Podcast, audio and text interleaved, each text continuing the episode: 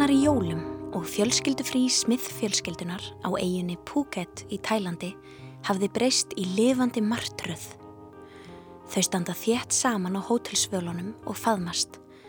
Þau standa sem lömuð og horfa þonga sem þau höfðu staðið á ströndinni fyrir nokkru mínútum. En ströndin var horfin. Rísavaksinn flóðbylgja hafði skollið á henni og rutt öllu úr vegi sínum. Nú sást ekkert nema brúnt vatn og eigðilegging.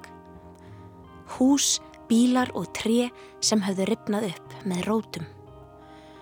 Fjölskyldufaðurinn heldur fast um dætur sínar og eiginkonu og segir við eldri dóttur sína, Tilly, hvað ef við hefðum ekki hlustað á þig?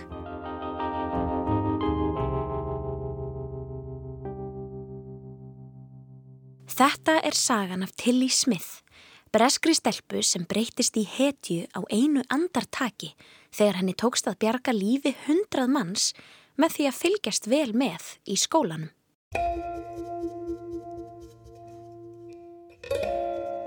Árið 2004 þegar hún var tí ára var hún í Tælandi með mömmu sinni Penny, pappa sínum Colin og Holly, yngri sýstur sinni. Það var jólafrí í skólanum og fjölskeldan nöyt þess að baða sig í sjónum, flatmaga á ströndinni og leika sér í þessu fallega umkarfi. Þau voru komin í paradís, hugsa hún með sér þegar hún virti fyrir sér kvítan sandin og turkisbláan sjóin. Allt var svo stilt og fallegt, sólinn skein og vindurinn gældi við vanga hennar og hár.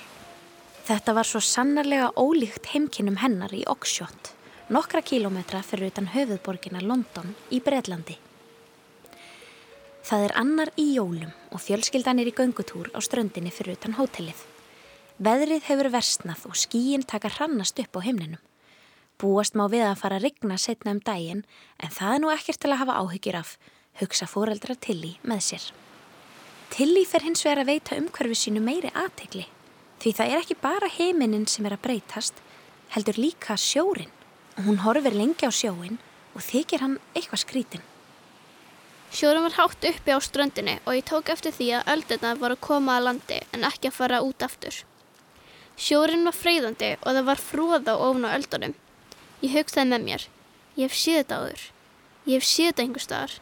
Mér leiði eins og eitthvað hræðilegt væri að fara að gerast.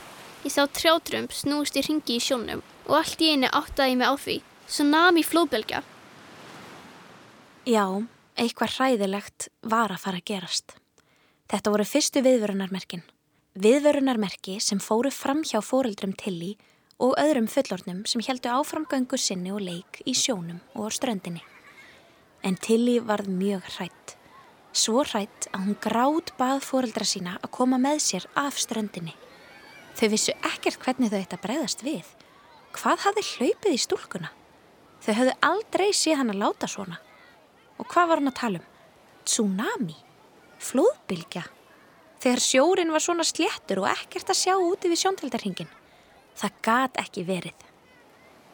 Fóreldrar hennar reynda róa hana niður og heldu áfram göngu sinni eftir ströndinni. Hún sagði í sífællu, loftbólur, loftbólur, það er fróða í vatninu.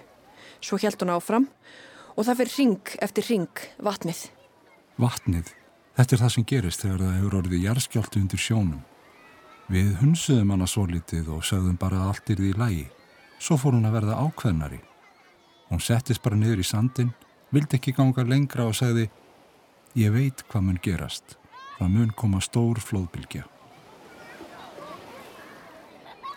Tilly var handviss um að risastór flóðbylgja væri á leiðinni og myndi skella á ströndinni með miklum þunga og eigðilegja allt sem fyrir henni yrði. Hún var handviss um að þau myndu öll deyja. En hvernig gat hún verið svona viss um það? Tveimur vikum fyrr satt Tilly Smith í landafræðitíma í skólanum sínum heima í Oxshott. Kennarin hennar Andrew Kearney hafði verið að kenna þeim um skjáltaflóðbylgjur eða tsunami eins og þær eru almennt kallaðar. Hann síndi beknum myndband frá Hawaii þar sem svona flóðbylgjur eru algengar.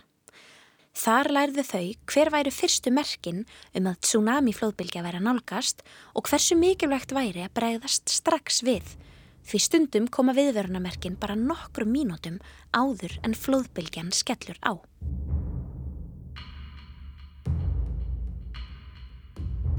Tsunami flóðbylgja er röð af mjög hættulegum, stórum og laungum öldum í sjó. Slík flóðbylgja getur ferðast á ógnar hraða og eigðilegur allt sem fyrir henni verður. Hús, tré, báta og bíla, götur og veldur slísum á fólki og jafnvel dauða. Þetta eru orkuríkar bylgjur sem geta borist langar leiðir og valdið miklu tjóni langt frá upprunastað sínum. Stór jarðskjálti getur komið slíkri bylgju af stað. Fyrsta merkið getur verið jarðskjáltin sem veldur flóðbylginni. Á þessum slóðum, í Indlandshafi þar sem sagan gerist, verða jarðskjáltar oft langt frá landi og djúft undir yfirborði sjávar. Það er sjálfgæft að fólk finni fyrir þeim jarðskjáltum. Tilly og fjölskylda hennar fundu ekki fyrir jarðskjáltanum sem olli flóðbylginni, ekki frekar en allt það fjölmarka fólk sem var á strandlenginni þannan örlegaríka dag.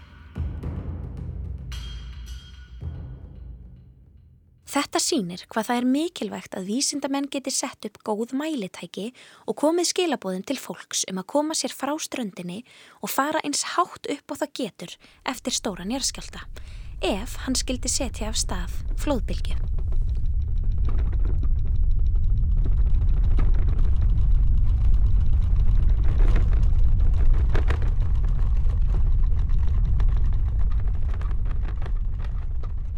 Fyrstu merki um skjáltaflóðbylgjur sjást því oftast á snöggum breytingum á sjónum, yfirborðið hækkar skindilega eða einmitt öfugt.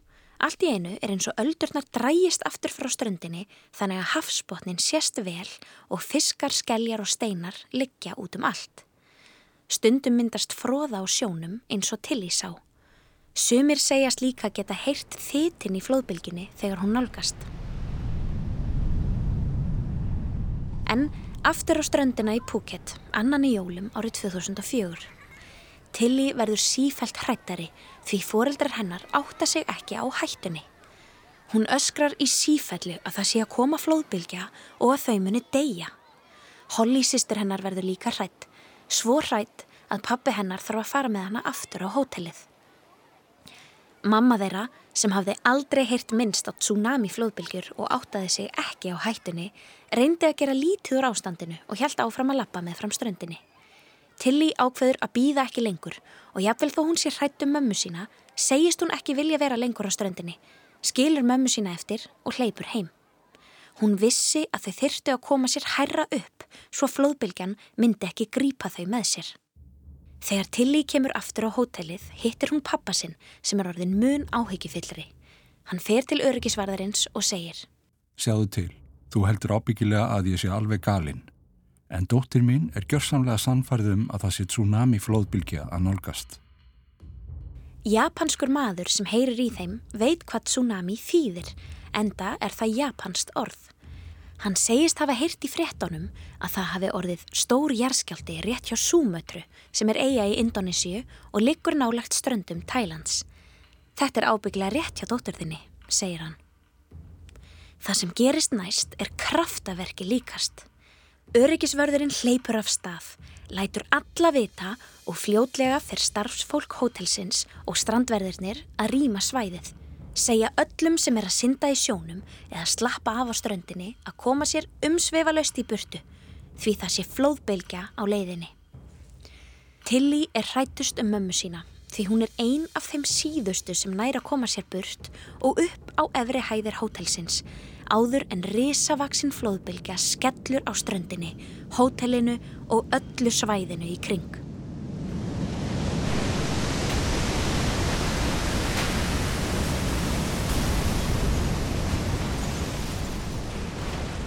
Sem betur fer tekst öllum að koma sér í örugt skjól. Öllum á þessari strönd. Sömu sögu er ekki að segja af flestum öðrum ströndum á svæðinu. Engin á ströndun okkar dó. Við áttum okkur ekki á því að þúsundur hefði dáið í Tælandi fyrir við sáum fréttinnar. Pappi var í sjokki. Hann sagði aftur og aftur. Hvað ef við hefðum ekki hlustað á þig?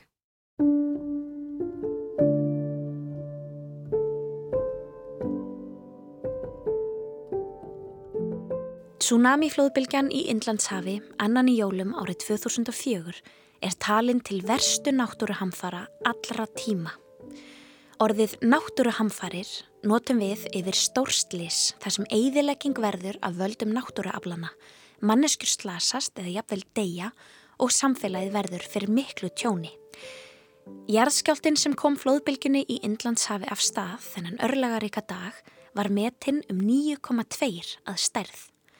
Til samanburðar var stærsti jarðskjálti sem mælst hefur á Íslandi metinn 7,1 að stærð og var hann á landi en ekki í sjó. Þó að það muni bara tveimur á stærðinni er skjálti upp á nýju margfalt sterkari en skjálti af stærðinni sjö. Þessi gífurlega öflugi jærskjálti kom af stað öldum sem náðu sumstaðar 30 metra hæð.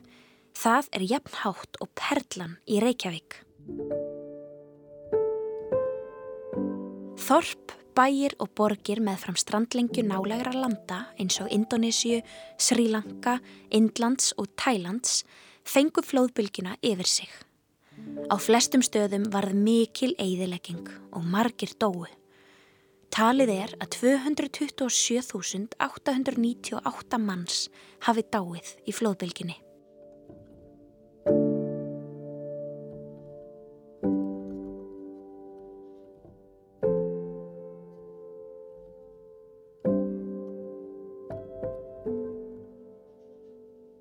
Það voru mörg börn sem síndu ótrúlegt hugrekki og þrekvirki þennan dag. Mörg börn og margir fullornir. Það er til fleiri sögur eins og saga til í, af heimamönnum, jamt sem ferðamönnum, sem gáttu nýtt þekkingu sína á flóðbylgjum og fyrstu merkjum þeirra til þess að bjarga sér og öðrum. Aðrir fengu ekki tækifæri til að flýja þar sem merkin voru ógreinileg, flóðbylgjan skall á áður en fólkat forðað sér eða fréttir af hættu ástandi bárust ekki í tæka tíð. Það eru líka til fjölmarkar sögur af fólki sem lifði af á ótrúlegan hátt, eins og saga hins sjö ára Martúnis frá þorpunu Alue Naga sem er nyrst á Súmötru. Hann sagði bladamanni hjá Breska dagblæðinu The Guardian sögur sína árið 2014.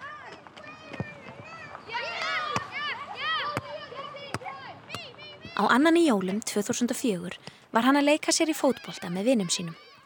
Þeir urðu varir við jarðskjáltan en það voru upptök hans úti í sjónum nálagt þorpunu, miklu nær strákonum en Tilly og fjölskyldu í Tælandi. Strákanir hlupu strax heim og fjölskylda Martúnis dreif sig upp í bíl og kerði af stað. Allir veginnir voru stappfullir af fólki að reyna að flýja því það vissi að svona skjálta fyldu flóðbylgjur. Fyrir en varði skall flóðbylgjan á þeim. Martúnis misti meðvitund en þegar hann komst aftur til meðvitundar flöyt hann í vatninu. Hann náði taki á dínu sem flöyt um á ströndinni. Í vatninu í kringum hann flötu lík þeirra sem voru ekki jafn hefnir á hann og allskenn stót og rustl. Hann náði taki á nokkrum núðlupökkum og vassflöskum sem flutu í vatninu og endust honum næstu fimm daga. Eftir það hafði hann ekkert. Hann lifiði af einn á dínunni í 20 daga. Þá var honum loksins bjargað og komið á spítala þar sem hann hitti pappa sinn aftur. Þar fekk hann þær hræðilegu fréttir að mamma hans og sýstir hefðu látist í flóðbylginni.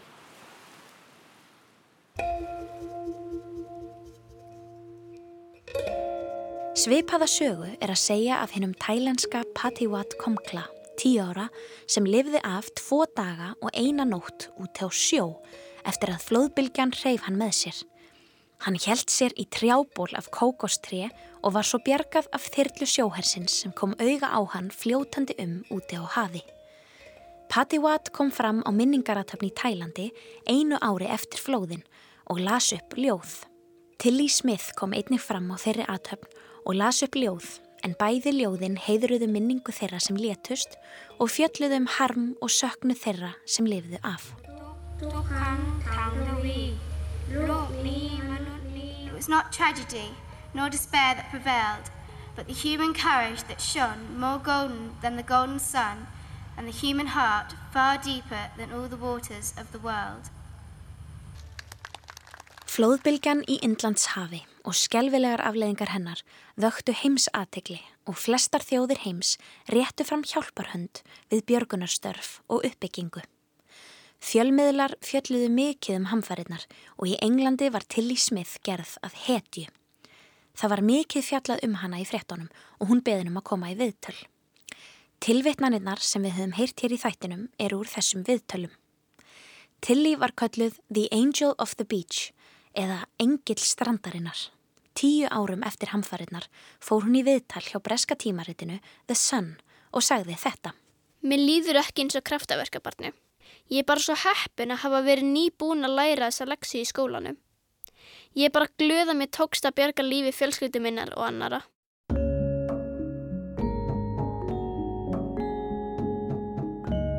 Mentun og fræðisla er óendanlega dýrmættur fjársjóður.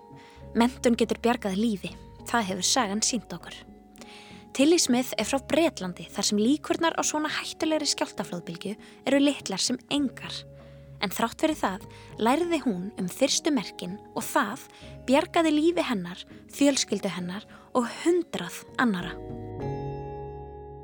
Eftir flóðbylgjuna óttuðust margir að frumbyggjar og ættbálkar á andamann eigunum sem urðu illa úti í flóðbylgjunni hefðu allir dáið, þurkast út. Hins vegar komi ljós að flest allir björguðust. Þau hefðu fundið sér skjól og var í landinu og sloppið við flóðbylgjuna. Þjóðsögur um hættulegar flóðbylgjur höfðu þar verið sagðar mann fram af manni, kynnslóð eftir kynnslóð. Miklum skjáltum fylgir hár vekkur af vatni. Flóðbylgjur höfðu fyllt jarðskjáltum áður á þessu svæði, mörgum árum áður og með sögunum nýttist þekking og reynsla fyrir kynnslóða til að bjarga lífi þeirra sem yngri voru. Náttúruhamfarir eins og skjáltaflóðbylgjan sem við höfum heyrtum í þessum þætti eru því miður hluti af því að búa á þessari jörð. Stundum gera náttúruhamfarir engin bóð á undan sér en með nútíma tækni hefur vísindamönnum og sérfræðingum tekist að finna margar leiðir til að spá fyrir um hamfarir af þessu tægi og hjálpa fólki að komast tímanlega í örugt skjól. Á mismunandi landsvæðum er mismikil og ólík hætta af náttúruhamfarum. Hér á Íslandi eru minni líkur á svona stórri skjáltaflóðbylgu en hér á landi geta komið eldgós og jærskjáltar og öðruvísi flóð eins og snjóflóð, jökulhlaup og örskriður. Íslandingar þekkja náttúruhamfarir vel og þess vegna erum við með stopnanir eins og almannavarnir sem sjá til þess að upplýsa alla mjög vel um hvað eigi að gera í neyðarástandi til þess að venda sig og fjölskyldu sína. Við höfum líka öfluga fræðslu í skólum landsins þar sem krakkar læra rétt viðbröð við ýmsum hættum. Það gerist oft og kannski of oft að fullorðið fólk hlustar ekki á það sem börn hafa að segja. Stundum er það alveg óviljandi eins og í tilfelli foreldra Tilly sem höfðu aldrei heyrt um tsunami flóðbylgjur og gátt ekki sé að það væri neitt hættulegt að fara að gerast. Þekking og lærdómur mannkins er alltaf að aukast og við bætum við þá þekkingu sem samfélag með því að kenna börnum og heiminn og þau halda áfram að kenna öðrum. Börnin vita oft betur en fullornir. Við vitum líka að margir hafa mist tenginguna við náttúruna í nútíma heimi, gleima sér í tækniveröld og veita því ekki næga aðtegli þegar móðir jörð sendir skilabóð. Þeir hafa hreinlega ekki lært að lesa í sitt nánasta umhverfi. Stundum eru skilabóðin viðvörnarmerki, merki um að við ættum að forða okkur eða hægt að gera eitthvað sem mun enda illa. Stundum eru skilabóðin þau að eitthvað stórfenglegt sé að fara að eiga sér stað og að við ættum að staldra við til að missa ekki af því. Hamfarir og undraverðir atbyrðir geta gerst á hverri stundu, jafnvel í miðju jólafríi. Það er því mikilvægt að við þekkjum merki náttúrunar sem gætu bjargað okkur úr hættilegum aðstæðum.